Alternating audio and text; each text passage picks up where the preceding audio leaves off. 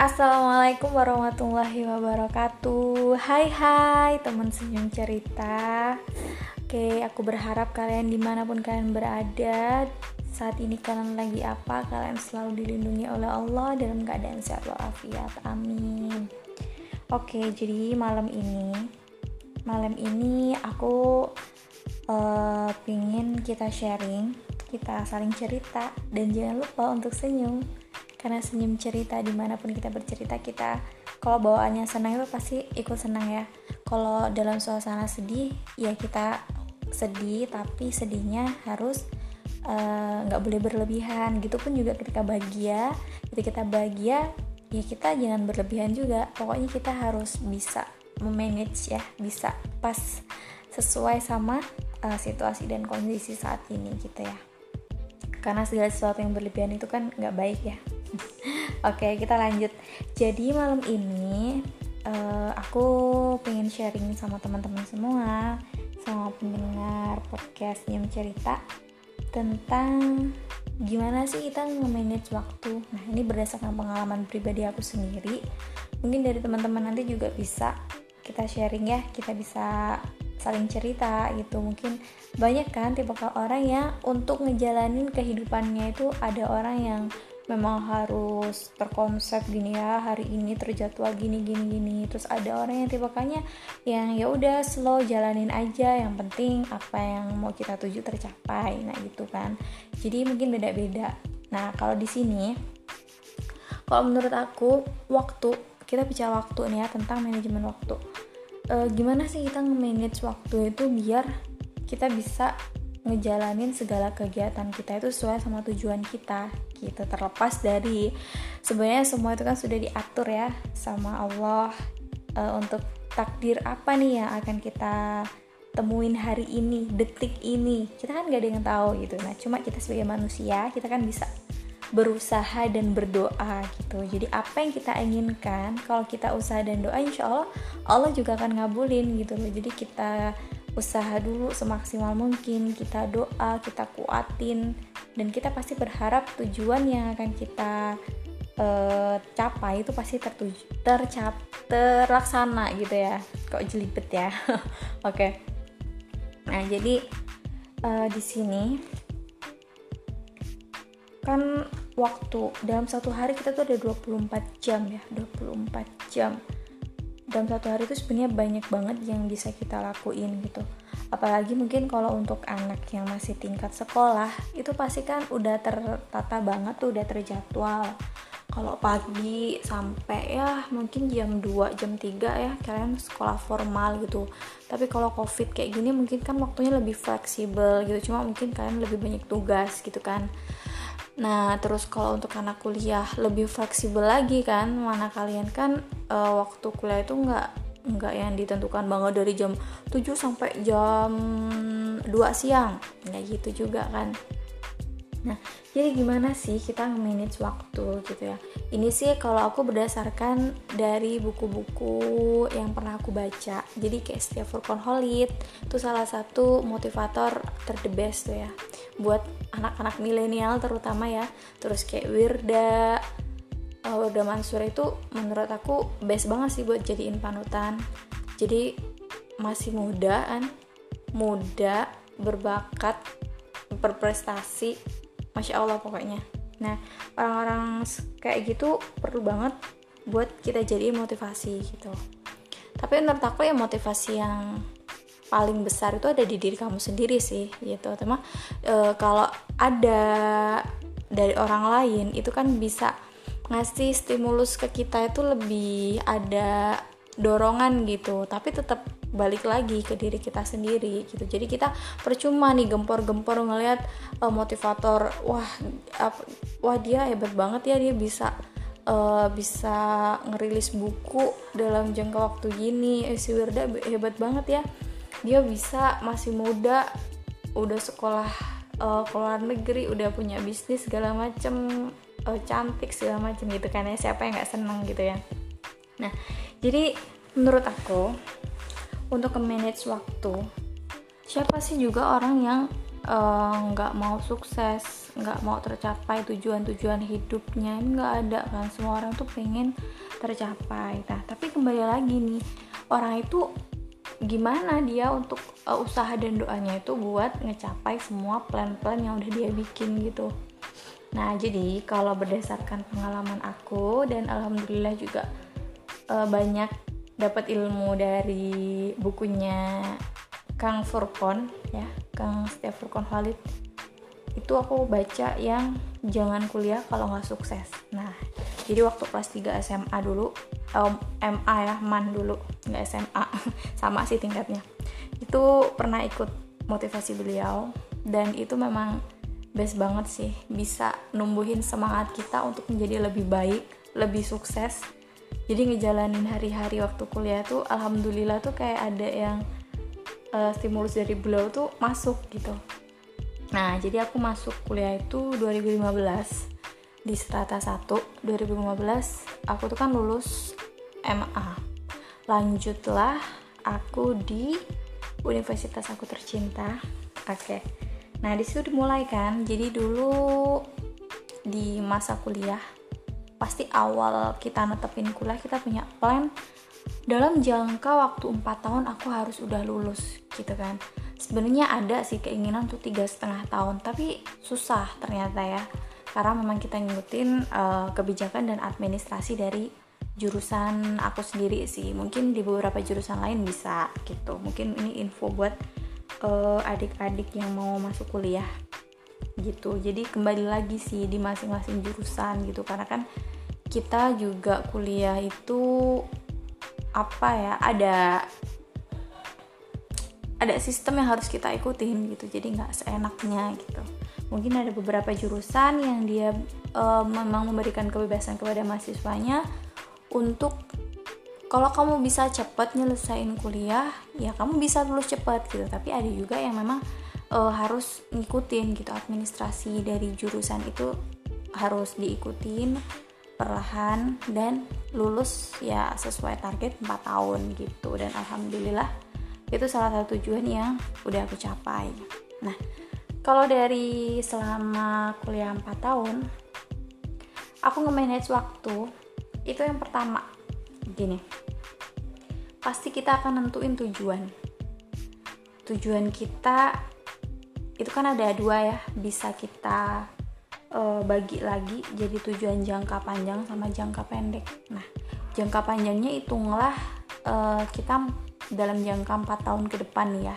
Jangan terlalu yang uh, ini ya sampai mau nikah gitu enggak.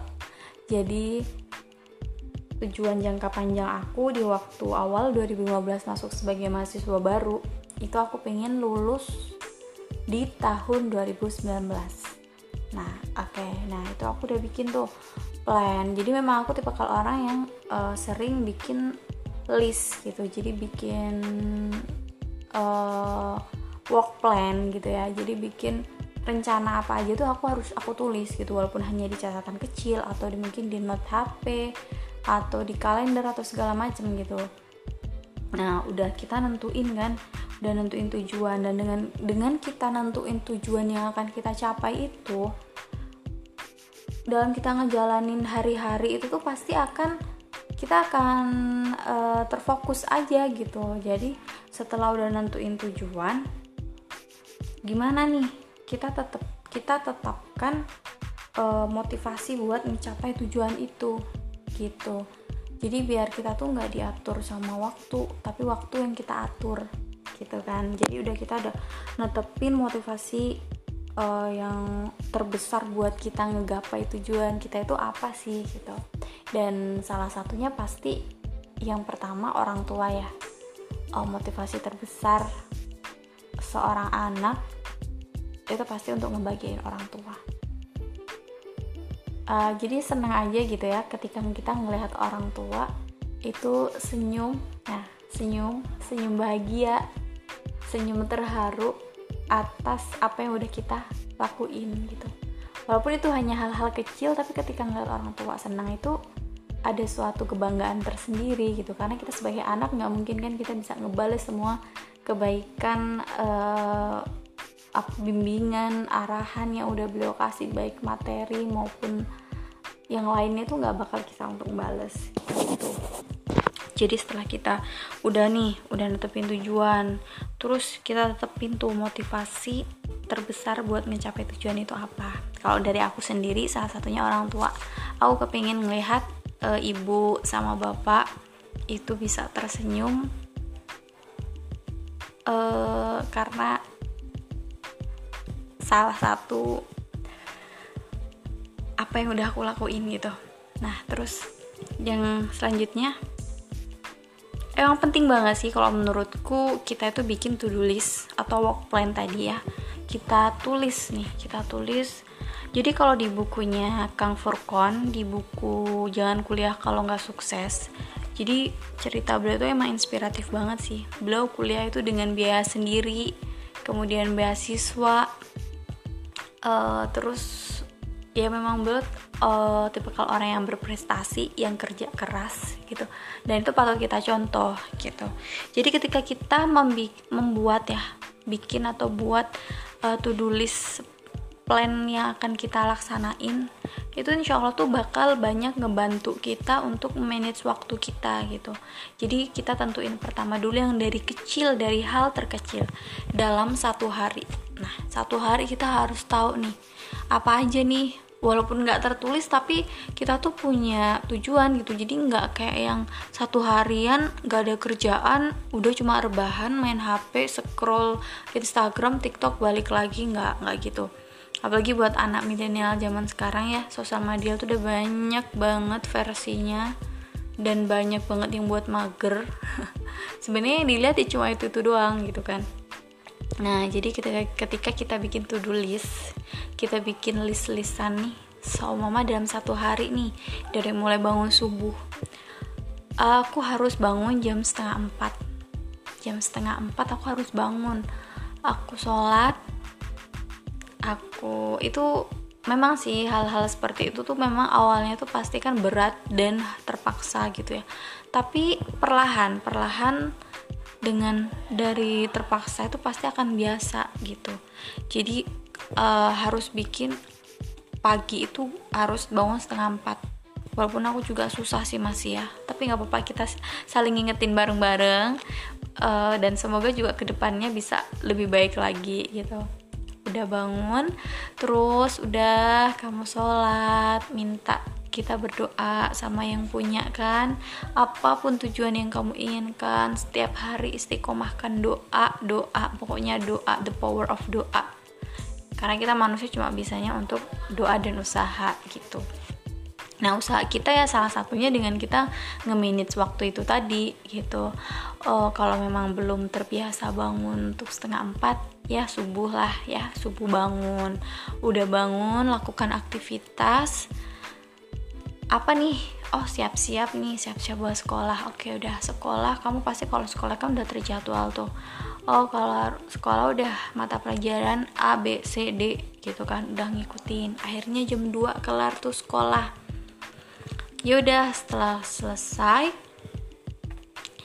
kita harus memang punya waktu juga buat uh, refresh ya jadi otak sama tubuh itu kan juga butuh istirahat. Jadi setelah kita dari pagi sampai siang itu sudah uh, beraktivitas udah mikir keras gitu kasih waktu untuk otak dan tubuh kita tuh istirahat. Kita harus istirahat ya minimal 30 menit uh, untuk kita tidur untuk bener-bener kayak yang mata terus telinga hati pokoknya segala macam istirahat. Nah udah selesai ya udah tuh lanjut. Pokoknya dalam satu hari kamu harus bikin list terkecil itu. Nah kemudian udah nih satu minggu. Nah satu minggu nih. Kalau buat adik-adik pelajar tuh pastikan dalam satu minggu tuh ada PR tuh. Nah kamu list tuh. Harus list nih matematika. Oh matematika ada PR tanggal sekian materi ini. Bahasa Indonesia ada PR uh, materi ini tanggal ini dan dikumpulkan uh, minggu ini gitu. Itu menurut aku hal yang hal yang biasa yang kecil tapi sangat bermanfaat banget gitu. Itu udah satu minggu kamu list. Oh aku hari minggu harus refreshing nih.